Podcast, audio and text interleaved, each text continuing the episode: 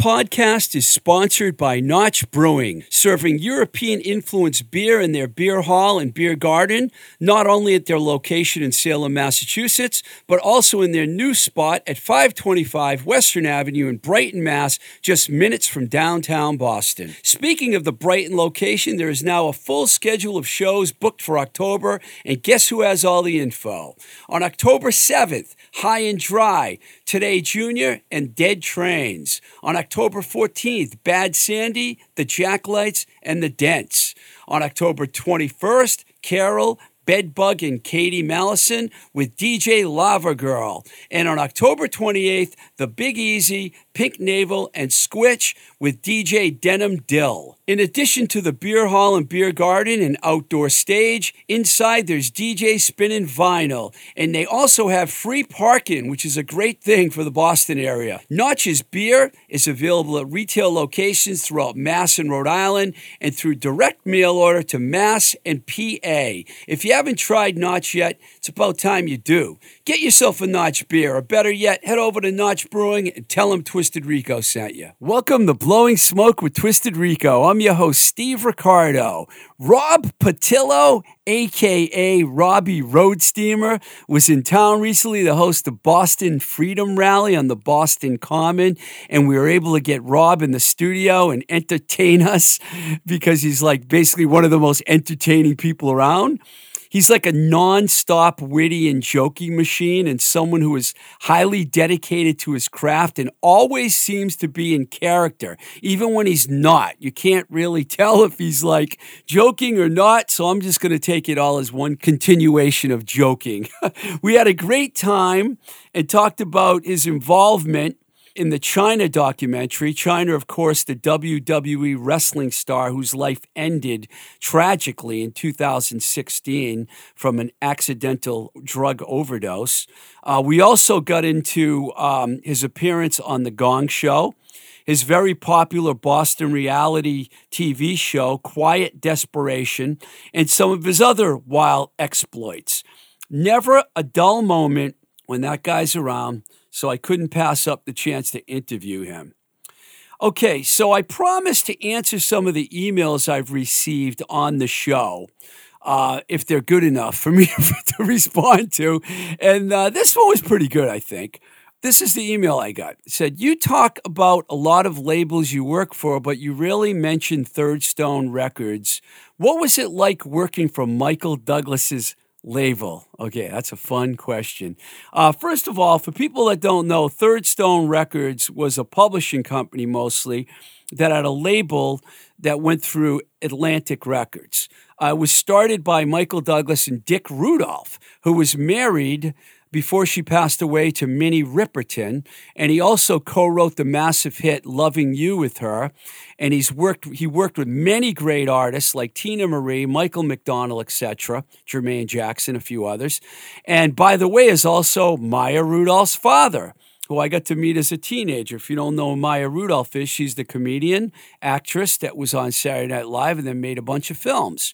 While I was at Third Stone, I did a lot of deals there. I did deals with the neighborhoods, David Alex Barton, Elaine Summers, Jimmy D'Angelo. Also worked with Saigon Kick, Sean Rickman, Dwayne LaVault. The first time I met Sheryl Crow was at Third Stone. I also had some epic meetings with Earl Slick, who worked with David Bowie for a long time, and Mick Taylor from the Rolling Stones actually came in the office to talk to us about a deal. So it was pretty cool hanging out with him. And of course, many, many actors, uh, including Michael Douglas himself, who once came out to eat with the neighborhoods. I talked about this with, with Lee Harrington when he was on the show. And I had lunch once with Billy Baldwin of the famous Baldwin family. And through this job, I met a long list of actors like Kiefer Sutherland, Julia Roberts, Emilio Estevez, Jean Claude Van Damme, Sean Penn. I also worked music supervision on several films. And of course, I was in the film Hard Promises, which starred Sissy Spacek, William Petersen, Mare Winningham, and I met the original director, Lee Grant. Yes, from Valley of the Dolls, that Lee Grant. So there's a ton of actors and musicians that I probably never would have got to meet if I didn't work for Michael Douglas, which was a really cool period of my life. Unfortunately, the company didn't last very long, and I left just before they closed their doors and moved on. It was a very short lived project there was one gold record that came out of it, uh, Saigon Kick, and the neighborhoods got to have a record on Atlantic, so that was pretty cool. And David Alex Barton and Elaine Summers, both songwriters, had songs in a couple films and stuff, so it was pretty good. So as you can imagine, it was quite the experience, and. Um, Thanks for asking about that. And that, that's basically what I did at Third Stone. Speaking of movies, etc., let's listen to a tune before we play the Robbie Potylo interview for you. This one is from the Jim Weeks Band. Uh, Jim Weeks is one of the best songwriters in this area. When I say area, I mean New England. And this is one of the best songs that's come out in the last few years, in my opinion, anyways. We played this track not too long ago on the show, and I'm going to play it again. This one's called Every Good Movie, and it's from the Jim Weeks Band.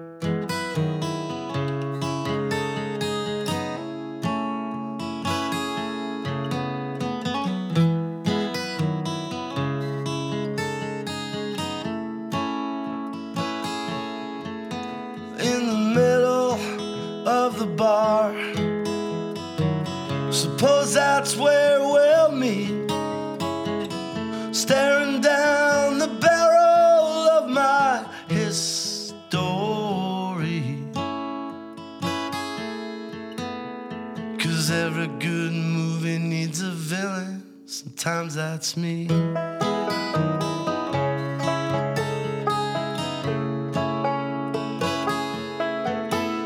in the back seat of the car.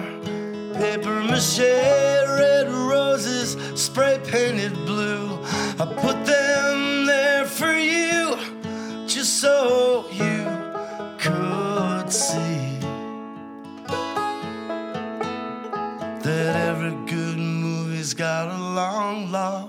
enemy.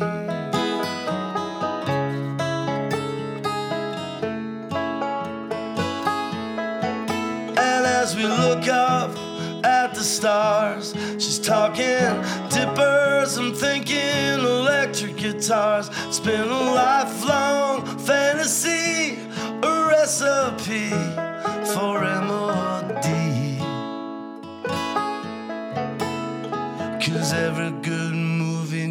Score the symphony.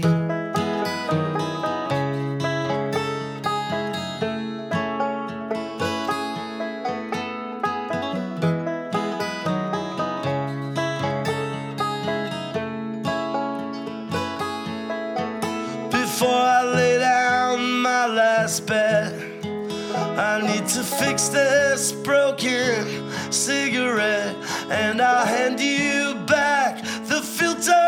because that's what you need.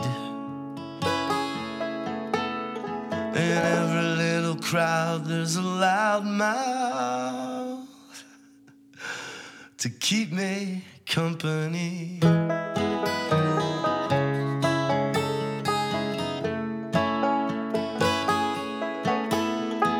shot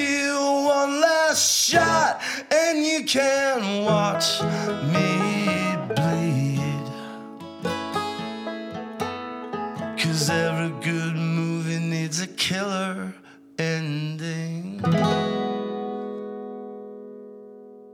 So, Rob, I know I ran into you the other day and I brought this up, but I have to bring it up again because I had such fun with you in Pittsburgh.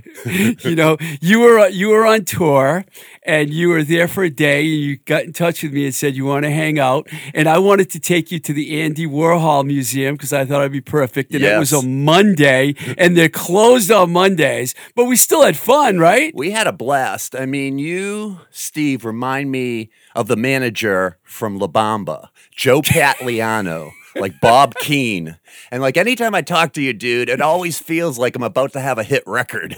like I was in Pittsburgh and we were on tour with Vermin Supreme. It was a 20 city Right. tour, boot on his head, uh, runs for president every four years, promising everybody free ponies for the anarchist party. And we did Carnegie Mellon in Pittsburgh. Real, real exclusive college. Like And one I'm of the most expensive colleges, too. It's like day five. And Yeah. I'm already fucked. It's Ver- Vermin Supreme. And so he's like anonymous, Occupy, all those fucking people. So everywhere we're going, we went to, you know, obviously before that, Philadelphia, uh, New York, every place he has. 2004 was that or 2016. I mean, four, I'm sorry, I've considered 2014.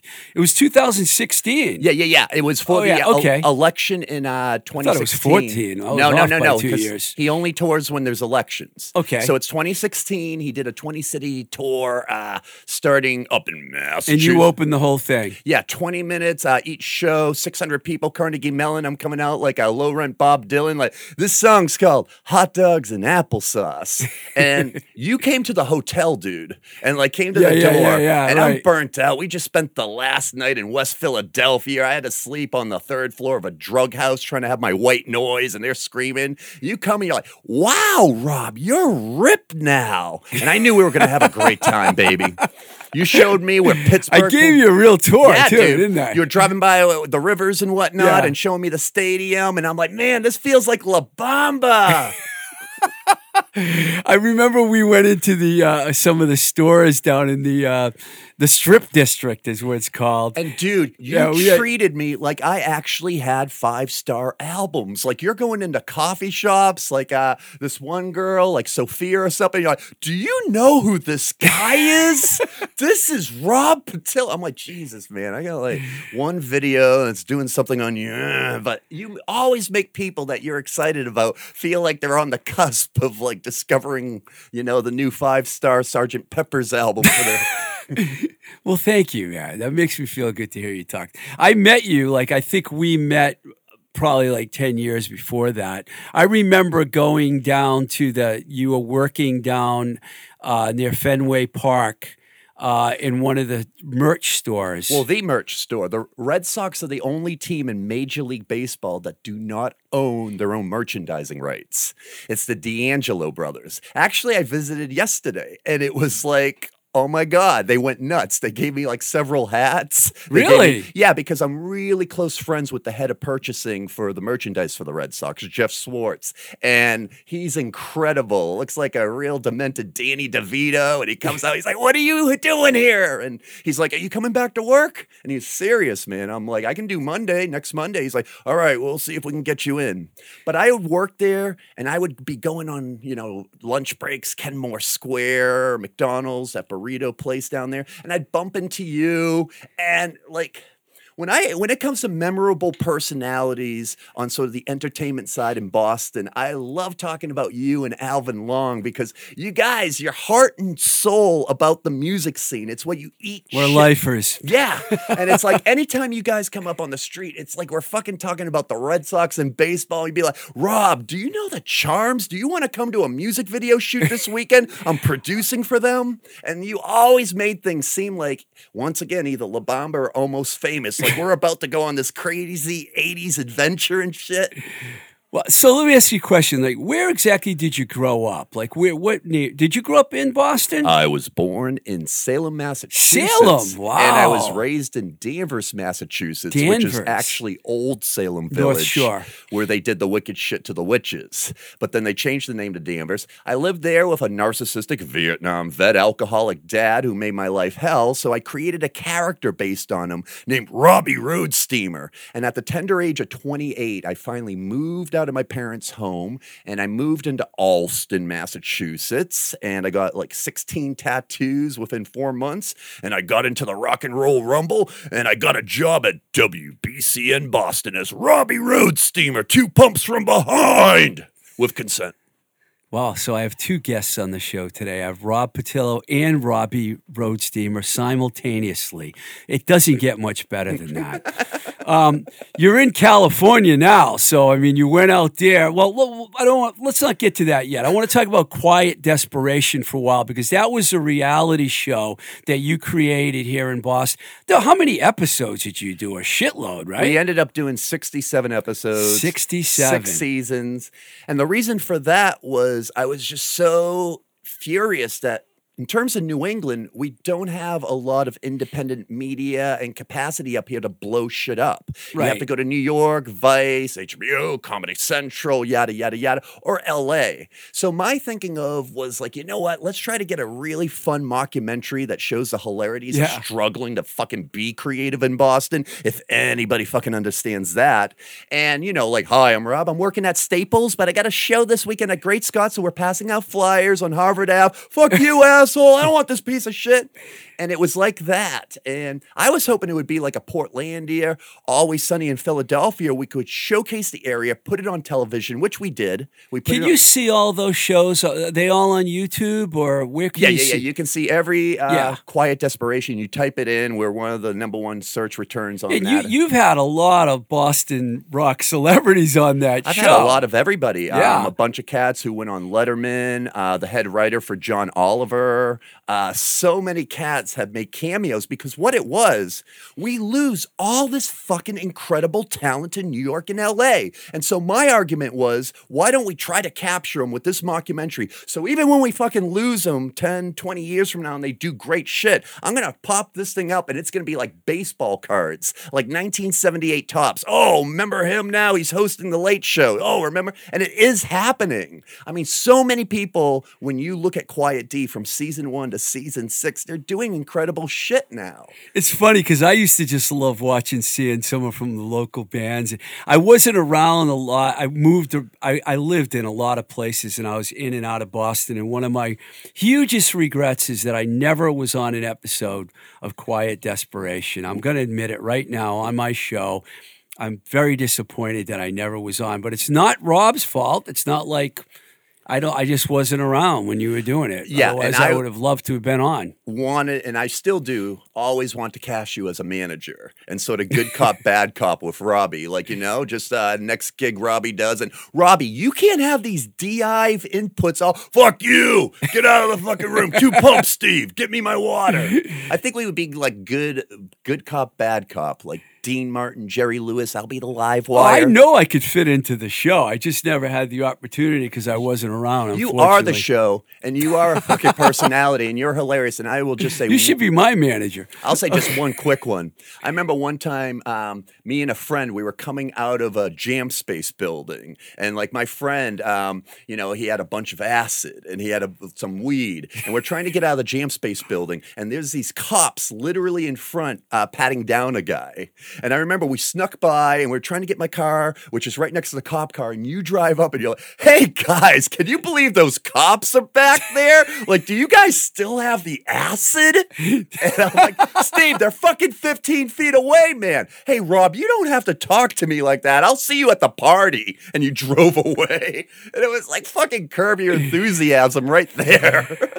I don't. I don't recall that. I'm not I do recall, it. and, and the friend it's quite possible it happened. had the briefcase uh, with uh, a lot of money and the acid that we, you know, are friends with recall. It was hilarious because what also Were happened. there hookers involved too? Because it seems like th- there might have been. There was a guy, uh, Frank, also that as we were coming out of the building and whatnot, was sort of behind us, a little bit sipping on moonshine, and we didn't want him to go to the party because he was going to be rowdy. And then finally, my friend turns around, and like, "Frank, if we take you to the party, you're going to cause trouble." And he says. Yeah. And he slithers into the shadows. So around 2013, I think it was, I was hanging around down at the old New Alliance building in Cambridge almost like a couple times a week. And you were a permanent fixture there at that time. Then I moved to Pittsburgh. And then I heard Rob went to LA. So what happened? What made you go to LA? I know, but tell everyone the whole story. I mean, literally, I want to be a creative type 24 7. And there's, it's so fucking hard up in New England, man. It's not to, I know, lack of talent for a lot of people. It's just lack of industry. Sort of this taboo that anybody that's doing a band or doing art or comedy is somehow to the normal New England. Tonight on Chronicle, the enemy. Like they're bohemian, they're outlaws. They need to fucking figure out what they're really doing. And so, I did Robbie Road Steamer. I got a job at CBS Radio, toured Warp Tour, was getting great checks. And then I made the mistake of starting to take acid at 30. And when I did, I basically was like, you can be yourself still. And if I had a time machine, I'd go back and be like, no, you fucking can't. Keep doing the fucking character, keep swearing. I would have been paid like a hundred grand at Sports Hub. So, anyways, I lost my job at BCN because I wasn't doing the character as well anymore. I wasn't saying take the condom off as effectively, or here we got some audio slave tickets coming up. Yeah, I put a baby in you. And now I was like, wow, you guys are playing Linkin Park again this week for the 500th time. That's a bunch of hometown boys made good, huh, Hardy? Huh? And so, anyways, they fired me from the radio station. I'm living in a jam space at the EMF building, and I'm struggling, man. I'm washing in the EMF building for a year with three baby ass wipes. All these metalhead guitarists that I used to roll with are coming into the kitchen like, Robbie, you live here now, dude? And it was just, I was making like 70 grand working at fucking Fenway Park every day, doing fucking BCN at night, Newbury Comics checks coming in for the CDs. So, anyways, I had to figure out a plan to make money, be creative, and not want to fucking hang myself in Boston because I couldn't do it unless I was like, yeah, two pumps from behind on the helicopter pad, yeah. So, i I'm a wrestling fan, obviously. and Obviously. I found, I found Chyna uh, the wrestler, uh, WWE, over in Japan.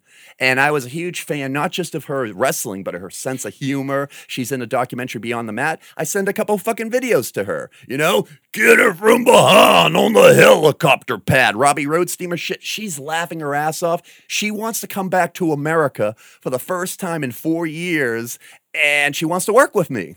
So I uh, get a documentarian set up.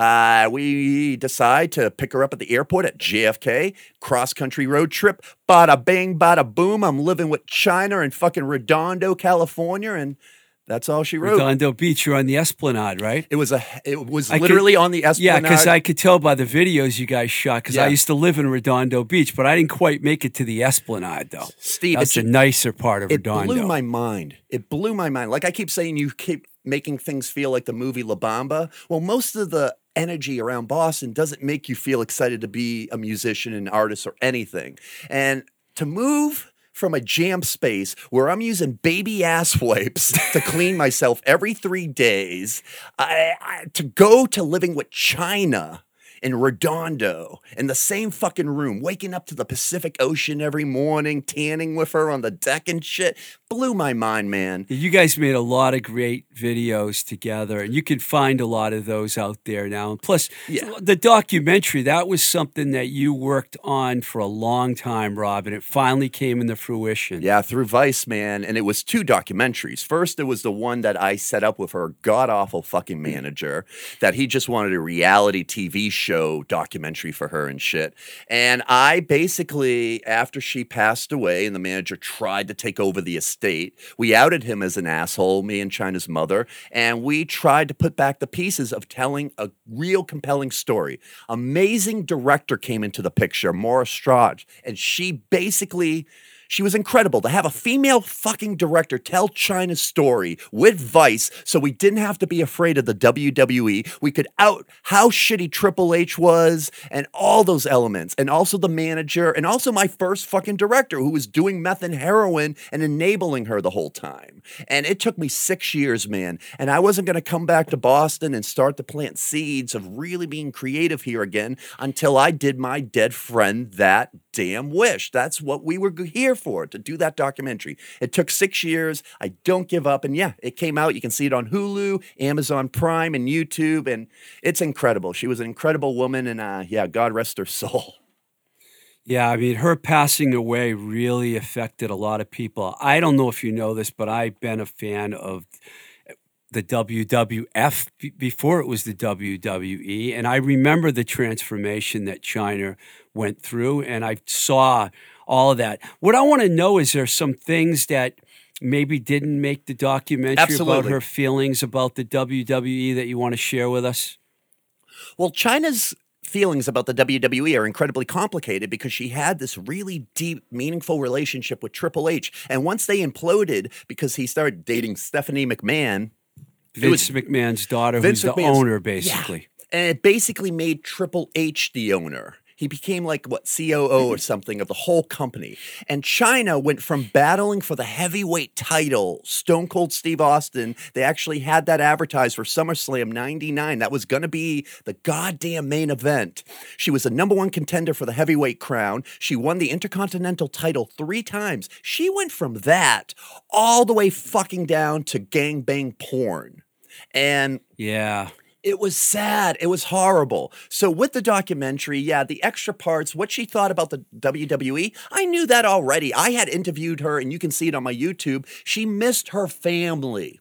She had no family. She did not see her mother after 15, and for 30 years, she didn't have a sense of padding and family. Her sister managed her for a little while, then they had a falling out. The WWE was that family. They gave her direction. I mean, she was going around North Andover and Middleton selling fucking beepers, pagers. She lived with her sister in Tewksbury, and they saw Killer Kowalski one night on television, and they're like, I should become a wrestler. And she gave Killer Kowalski two grand to train he was in Malden. train. Yeah, he he trained wrestlers here in Massachusetts, right? Yeah, yeah, I mean, the extras from the movie, I would just say of the fact that after Chyna passed away, we had to get the estate away from the fucking manager. I ran a campaign to get her into the Hall of Fame in 2019, and we did it. That was great. And the WWE told me themselves, their executives, when they flew me into New York, that we would have inducted her during her fucking lifetime if the manager wasn't involved. That's sad. And there's hear. so much to it that afterwards needs to be explained. But the thing is, the documentary was about her. It was about her career and the demons that came in. And normally you don't capture these demons like the evil manager and these shithead types. Usually, like with the Kurtz and Amy's and everybody else, they slither away and create the documentary. Oh, you want to do a documentary about my guy? Well, you need my fucking permission and you better make me look like an angel. Chyna had signed her life rights over to us right before she passed away, and we were able to just out how enabled she was by this guy, how this guy kept her away from the positive energy, kept pitting her against the WWE with these horseshit videos of them trying to go into their corporate office in Stamford and try to get her royalty checks without an appointment or anything. He didn't care about her wrestling career. He cared about exploiting her. And I think if there was a sequel to that Chyna documentary, a lot more of that would be in there. And plus the fact that they both went after me after she passed away. They knew I was going to fucking get to somebody and show all the footage of how Anthony was enabling and how Eric was a complete fucking train wreck. If I died, it would have been Anthony making that movie. It would have been Eric making that fucking movie. And it would have been, we all tried to help Chyna. We did. We did. We don't know what happened, but this great Vice doc shows what happens. It points all the fucking fingers. We shot it very high end, and there's no question that the industry does this to a lot of people behind the scenes and then slithers away when they die. And we're all, oh, we all tried to help Kurt. We did. Yeah. Wow. you she seemed to really I know you mentioned the porn thing and I was shocked when I first heard about that. I don't know how that happened. I, it, it's a sad situation. I it didn't seem like it w- was one of her life goals to be to be in porn. She probably got paid m- a lot of money. Yeah. From Vivid, was it? Yes, Vivid Video. I actually went there with her and uh, met with uh, Steven Hirsch. Yeah, I've met Steve too. Yeah. I, in the '80s, I was good friends with some uh, women that were in porn. Barbara Dare was a really good friend of mine. She she introduced me to Steve. I went over to. They were in Van Nuys, California at that time. I went in the Vivid warehouse, so I'm familiar with it. But uh, I can't imagine that that was one of her goals. No, no fucking way. And I don't want to be a conspiracy theorist, but right after she was, you know, left the WWE, X Pac uh, from DX, they were involved, right? in her own words, just happened to show up at her fucking house. And they start dating, and they have a real dark codependent relationship. Now, this is at the time of Kardashian releasing the sex tape, Paris Hilton releasing her sex Yeah. tape. So Chyna decides to do a sex tape with X Pac. And it seems like she didn't really want to release it. And it seems like there was a little coaxing, and she releases it. It gets some notoriety. She has no fucking means otherwise to really suffice. She doesn't want to be.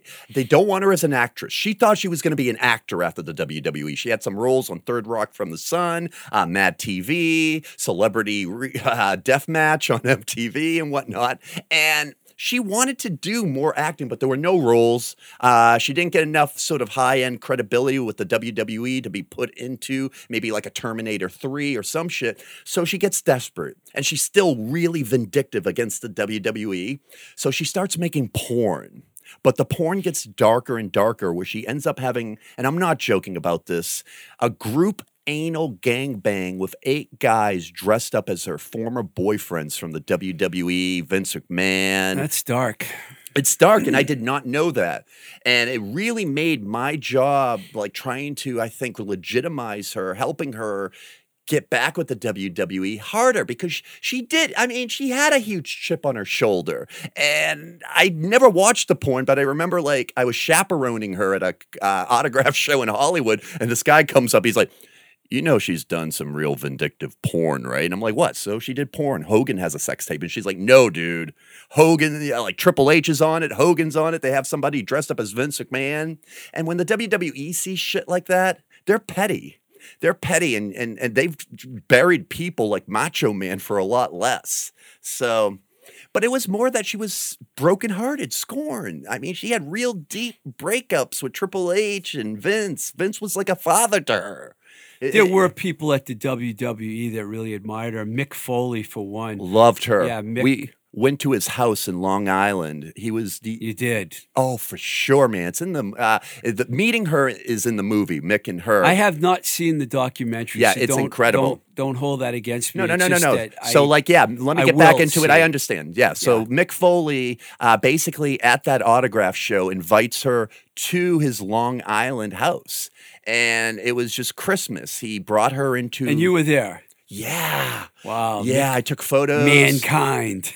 dude. I took Cactus Jack. But Mick Foley, like Yeah. Mick Foley Yeah. is this down to earth, Yeah. really People love him. sweetheart. He has a Christmas room in his basement that he has transformed. He dresses up as Santa every Christmas, dyes his hair white, his beard white, and he looks like Santa. He takes family photos and puts them up.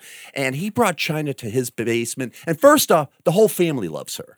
His wife, Colette, they're like this and she babysit their kids nicole and all i mean yeah it, just it, it just was amazing. So we basically go down to the basement. Um, Mick literally reads passages from his book uh, about Chyna you know mick is sitting there and he's like you know, I really love and respect, you know, how great Chyna was as a wrestler. We always had a great relationship. He's crying, Chyna's crying. He buys us a pizza. We watch a pay per view at his house. He drives us up to Stamford, Connecticut the next day. Like, it, it, it, he, God's work. And he was one of the very few wrestlers that actually showed true kindness to Joanie. It really was sad. I mean, I'm not going to name names, Ric Flair, but at one of the autograph shows, Ric, I'm not going to say anything about her being in the Hall of Fame or that she should be back and stuff because I don't want to deal with any shit from the WWE and stuff. And a lot of them were good old boys. They want to upset Vince. I mean, look, even when that documentary came out, try to find any fucking wrestlers that actually had the cojones to talk about that documentary.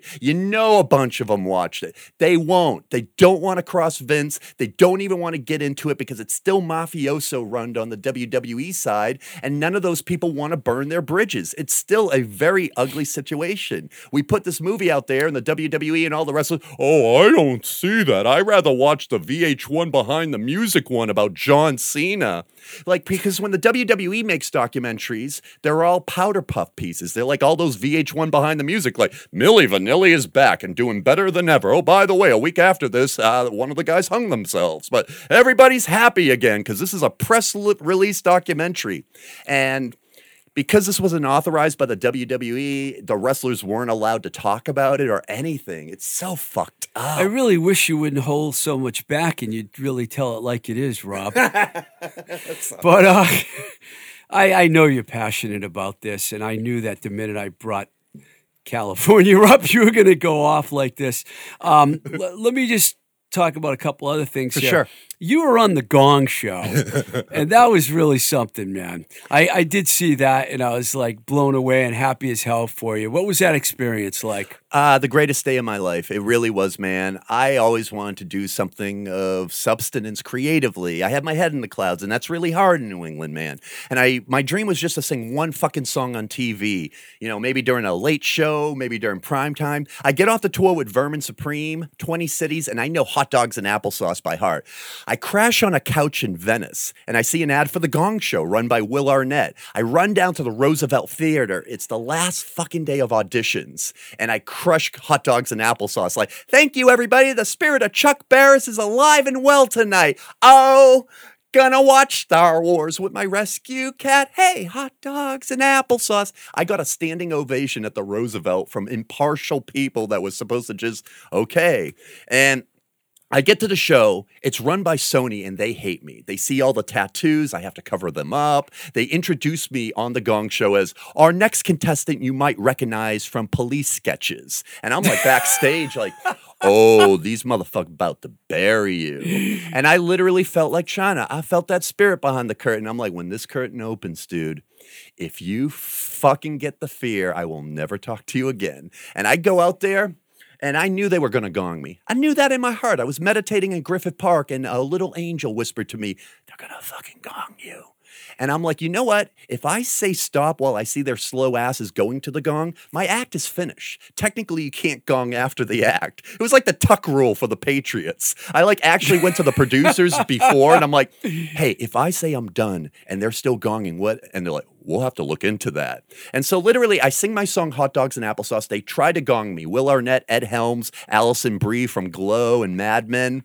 And right when I see them, I'm yelling, I'm done! I'm done! I go from being flamboyant, happy Pee Wee Herman, the fucking Tom Brady, Rob Gronkowski, I'm done! And literally, they, I, Stop the fucking show. The executive producer screams into Mike Myers' earpiece because he's hosting.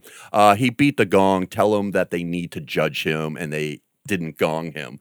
And they announce it to the studio, and all these people start cheering. It felt like when the Patriots had the tuck rule against the Raiders. Like the quarterback's arm was in timeout, therefore the gong does not count. Replay thirst down. Well, it looks like the Patriots are going to get one more chance at this. And then I make a speech to Will Arnett directly because I know he's the biggest one that hates me. And I'm like, this show was actually built for the freaks and the weirdos and the outsiders, okay? Not for you little cool kids and whatnot.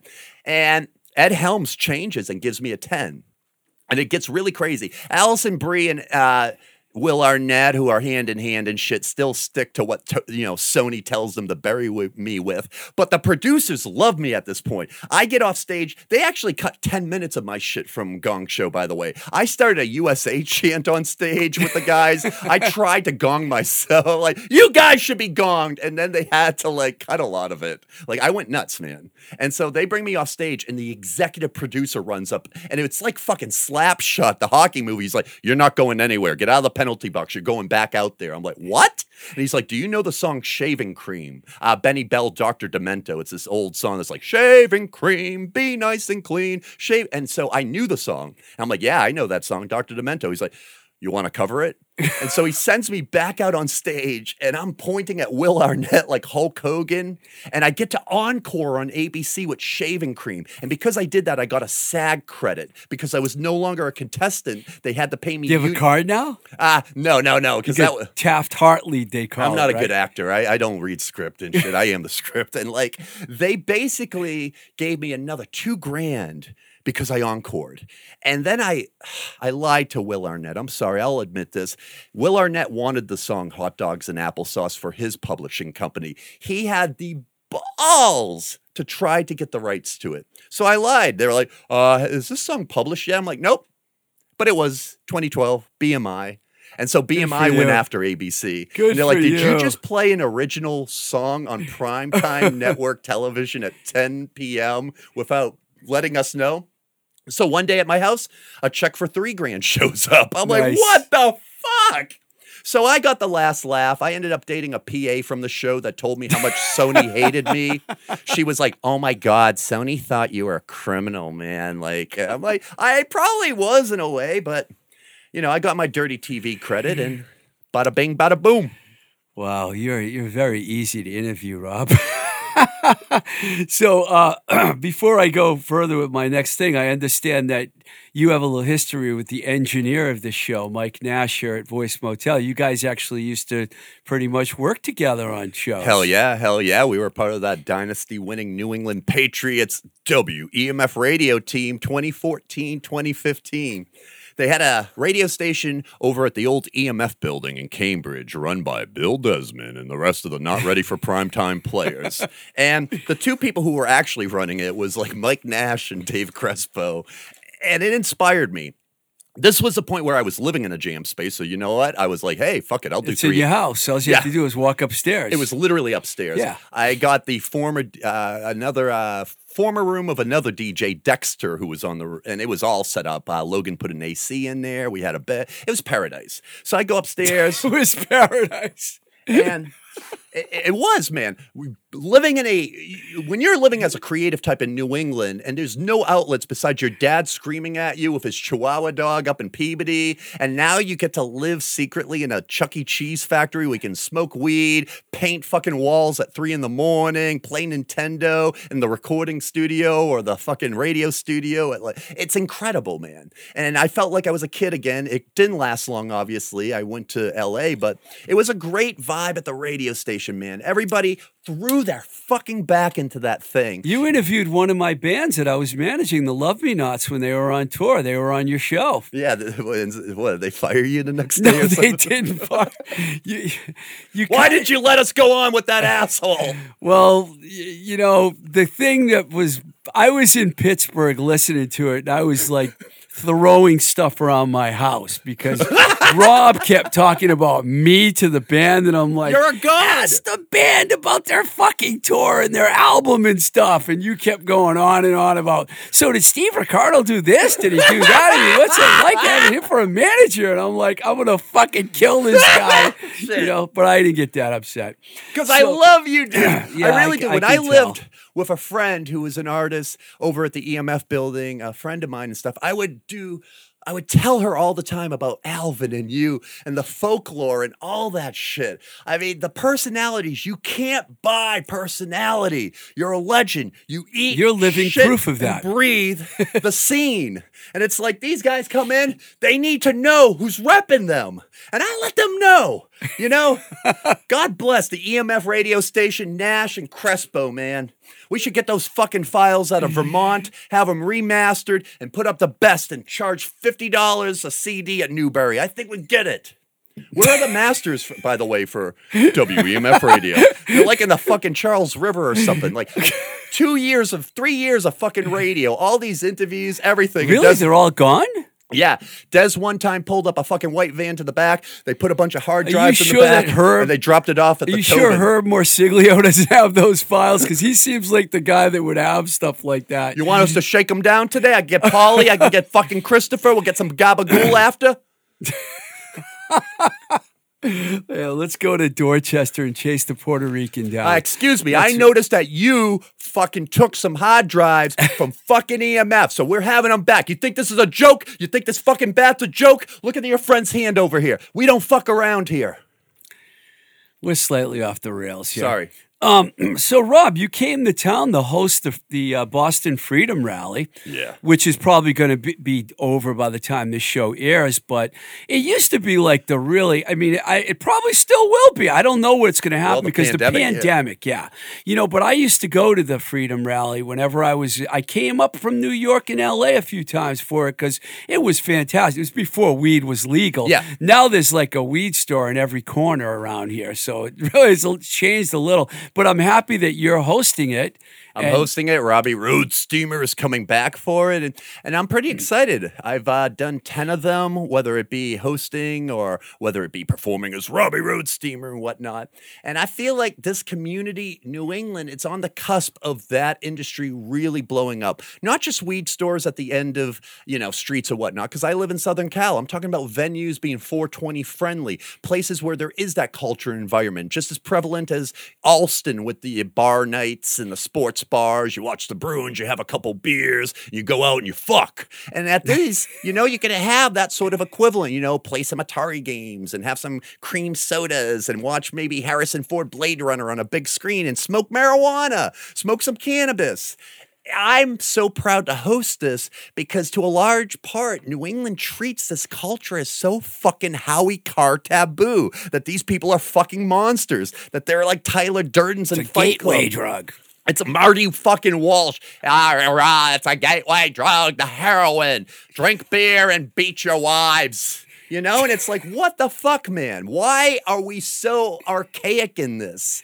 It's not something like even my dad a week ago. So you're still doing that uh, smoke weed party in the uh, park that they have every year? Because look at the way the press covers it every time it's even on TV. So today, a bunch of dirty ass hippies went down to the common and fucked it up again, made it all messy and shit like that.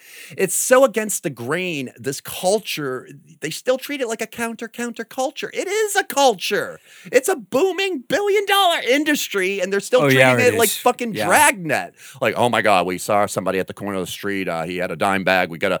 I mean, it's just Boston was ridiculous for that. Every time I try to fucking smoke weed outside of a club, get away from the fucking Well, they're losing now because there are stores opening up all over the place. But it's, like- still, it's not like Oakland where they're all out in the streets and blazing and shit. It's still something like, It's yo, dude, uh, California, yeah. we got to go into a fucking car. Uh, I got good tints at Revere Beach. Uh, we got to change our names and we're going to smoke a joint in the car. Wow. Um, let's talk about California because you uh, you've been living out there, and uh, where are you? Where are you living in L.A.? Yeah, I was living in Hollywood for two years after Chyna passed away, and now I'm the crazy old man in Pasadena. Pasadena. yeah. Well, yeah, I always thought Pasadena and Glendale and those places were kind of weird. But you know, then I, I lived down the beach like you did at first. And I lived in Studio City for a while in Encino, which is more uppity, but I had a guest house there. Because I worked in Hollywood, you know. It was mostly when I was working for labels that I was out there. Uh, but from what I understand, coolness is spread out to pay places like Glendale and Pasadena and that. More people have to live out there. Oh, now. it's absolutely beautiful. I mean, Billie Eilish is uh, fucking Pasadena. It's uh, Van Halen, uh, Sirhan Sirhan, Assassination of Bobby Kennedy. It's just a great place to sort of want to feel the love. And it's I'm by the mountains. I lived in like Hollywood for two years. I did like hundreds of shows. That's how I got you know really the Gong Show situation going and shit. And I didn't want to be there. It's like all along the fucking watchtower on the streets, meth heads, fucking doing girls on cardboards in front of fucking venues and shit, and everybody wants crystal. And now I'm by the mountains. But the problem with Boston is everybody always has that. So you're in LA, Stu? You're still doing the fucking Hollywood thing? I'm like, I'm by the mountains. I try to show people on my uh, phone, I'm not doing the L- LA thing. Mountains, wild parrots. People out here don't really understand California. See, I lived there for like a long time. It's like fucking And- somebody in yeah. Newburyport, living in Newburyport, and somebody, yeah, so how's the Boston life, dude? You know, you still doing that fucking Exactly. Boston thing? Yeah, because you go to the South Bay and it's completely different than downtown LA. You go to Beverly Hills, it's another world. Hollywood, it's It's like Grand Theft Auto that there's like 10,000 cities and Yeah. like what appears to Yeah, be like, like 30. the valley is three million people in the valley. It's like, oh, it's part of LA. It's a whole different culture out there, you know? Even fucking Chyna's manager was like, I live in LA. You live in Redondo Beach. That's like saying fucking Old Orchard Beach is Boston. Yeah. Well, so you plan on staying in California then? Mm, Free agent. Yeah. My only obligation to California was Chyna. I love Chyna and I put everything in, and I wasn't going to entertain even coming back more and more here until I got that story out, especially after she died. I'm completely free agent and I'm desperate for uh, connection and family to a large part, especially on the creative side. for So- following your uh, you on Instagram, uh, you know, you have you do have a replacement in your life, Red, the cat. and, you know, I mean, I love that cat. I've never met the cat, but the cat is hilarious. The cat is beautiful, yeah. Is on roofs, in trees. It's just a 12, you know, 12 year outdoor cat that uh, was living at out fucking doors. They took her from Michigan. They brought this cat to Pasadena and then she was outdoors. And uh, uh, So does the cat actually belong to anyone? If uh, belongs pretty much to this house. My I take care of her. I high end her on the tiki food, cat food, wet food with the quail egg. I give her some good shit. But yeah, man. I mean, when it comes to that, after Chyna died, Is Red your cat, basically? Yeah, yeah. Yeah. I mean, but it's basically- someone abandoned Red? Is that what Yeah, happened? yeah, she's an outdoors cat. She came from Michigan, and the couple that brought her from Michigan just basically abandoned her. hate and then she lived that. on the Ugh. property for another 10 years, just trying to get any food or water. And then I came in there, I'm like, this cat's a star. And I started feeding her. And plus, you know, I just lost my friend and shit. I was lonely, and it was a perfect place for me to recover and just feel positive again after all the shit I went through. And now at this point in my life, man, I'm a free agent. Whatever, you know, I'm by. I'm like East West Coast. and if somebody wants me in their life to maybe help be creative or something, that's what I'm looking for. Otherwise, right now I'm smoking weed on a bed in Pasadena, playing video games and living the dream. Well, you know, I love you for, for your love of that cat because you know how I feel about cats. Both of my cats that I had for a long time have passed Yeah. away. And uh, when I see those videos that you post and I hear the conversation that you're having She's with a cat, sexual cat. it She's really- a sexual Pasadena cat. And I believe anybody out there, please adopt these older cats, man. Yeah, I- they I- need love. They need attention. And when you adopt the fucking cat, man, don't treat it like it's supposed to be a toy for you, man. You know, love those kitties. Put those Well, kitties out thank there. you for doing that, Rob. oh, I treat her like Mariah Carey sucking on her little cat toes. Well, Rob, uh, I think we covered it. Oh, one last thing, La- Lady Cop. You know, if, if people out there haven't seen it yet, it's got like nine million Yeah. views on YouTube. It's by far, I think. Well, you know, you've done a lot of great things, But, I'm I'd an have to- outside comedian, and for me to try to get something viral when I'm not like making fun of Harry I mean, Potter, you made those cops famous. Basically, everyone probably knows those two women now. They're cops in New York City, and you know, you you made them famous. I just love performing with Vermin Supreme on the protest front, and it got like my Bob Dylan vibe cross Pee Wee Herman going. And I saw this gorgeous lady cop who looked like Lindsay Lohan, and I just went up to her and. You know, I mean, everybody else had these Guy Fawkes masks. They would put these masks on and they'd be like, Your government is lying to you. Join us in the basements and listen to The Cure, and we'll eat lizards and we'll block off the Wall Street. And it just was like, Jesus Christ, man. I want love and connection, the merry pranksters. Well, you were you you really got her. You won her over. So yeah, I went up to her and I'm like, "I love you. You're beautiful. Can we uh, have Thai food?" And I could see in her eyes, man, if we were in college, we'd be dating right now. Yeah, I think yeah, I think you. I'm surprised she's not your wife now. To be honest with you, She got married last year, and they wanted me to go to the wedding and sing and What? shit. But I'm like, Are you in touch with her? ah, her brother. That's amazing. You made her famous, Rob. She deserved to be famous. Wow. She should have been in like 10 Steven Seagal movies. Under Wow. Siege 4, March for Targeted Assassination Part 2. All right, dude, we got to go, but thank you very, very much for coming on the show, man. It's my honor to have you here, man. Oh, man. My it was pleasure. fucking Chuck E. Cheese. Thank you, dude. All right, man. Please support this podcast on patreon.com forward slash Twisted or on the Anchor site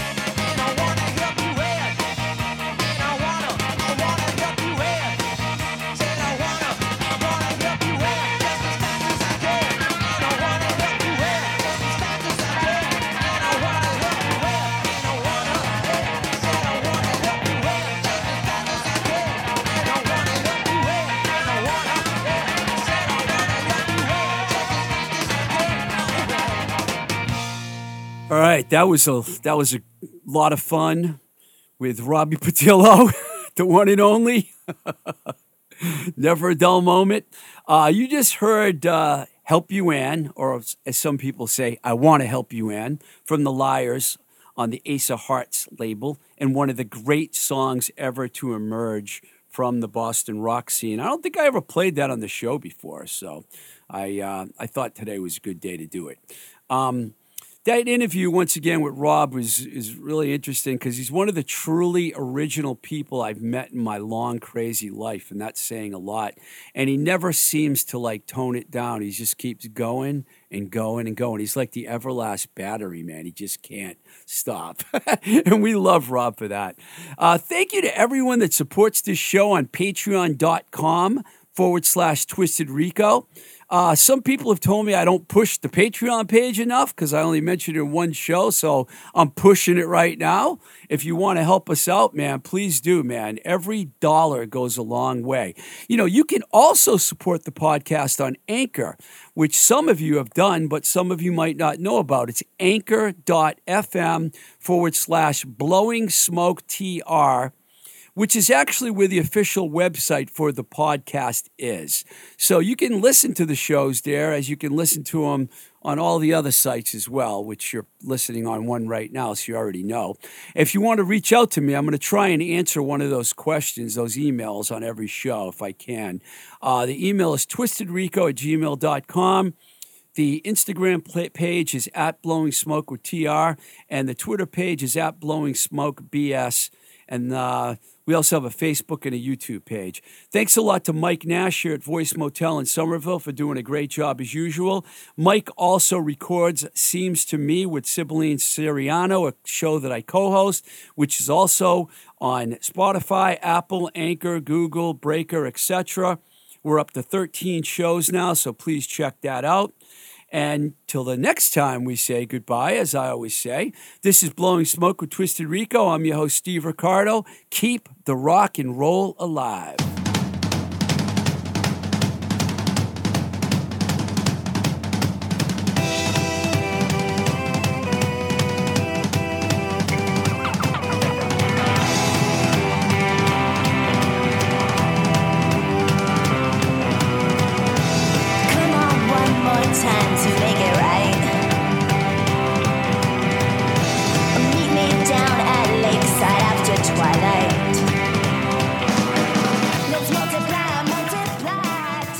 Voice is recorded at Voice Motel, voicemotel.com, your complete podcast recording experience, located in Union Square, Somerville, Massachusetts.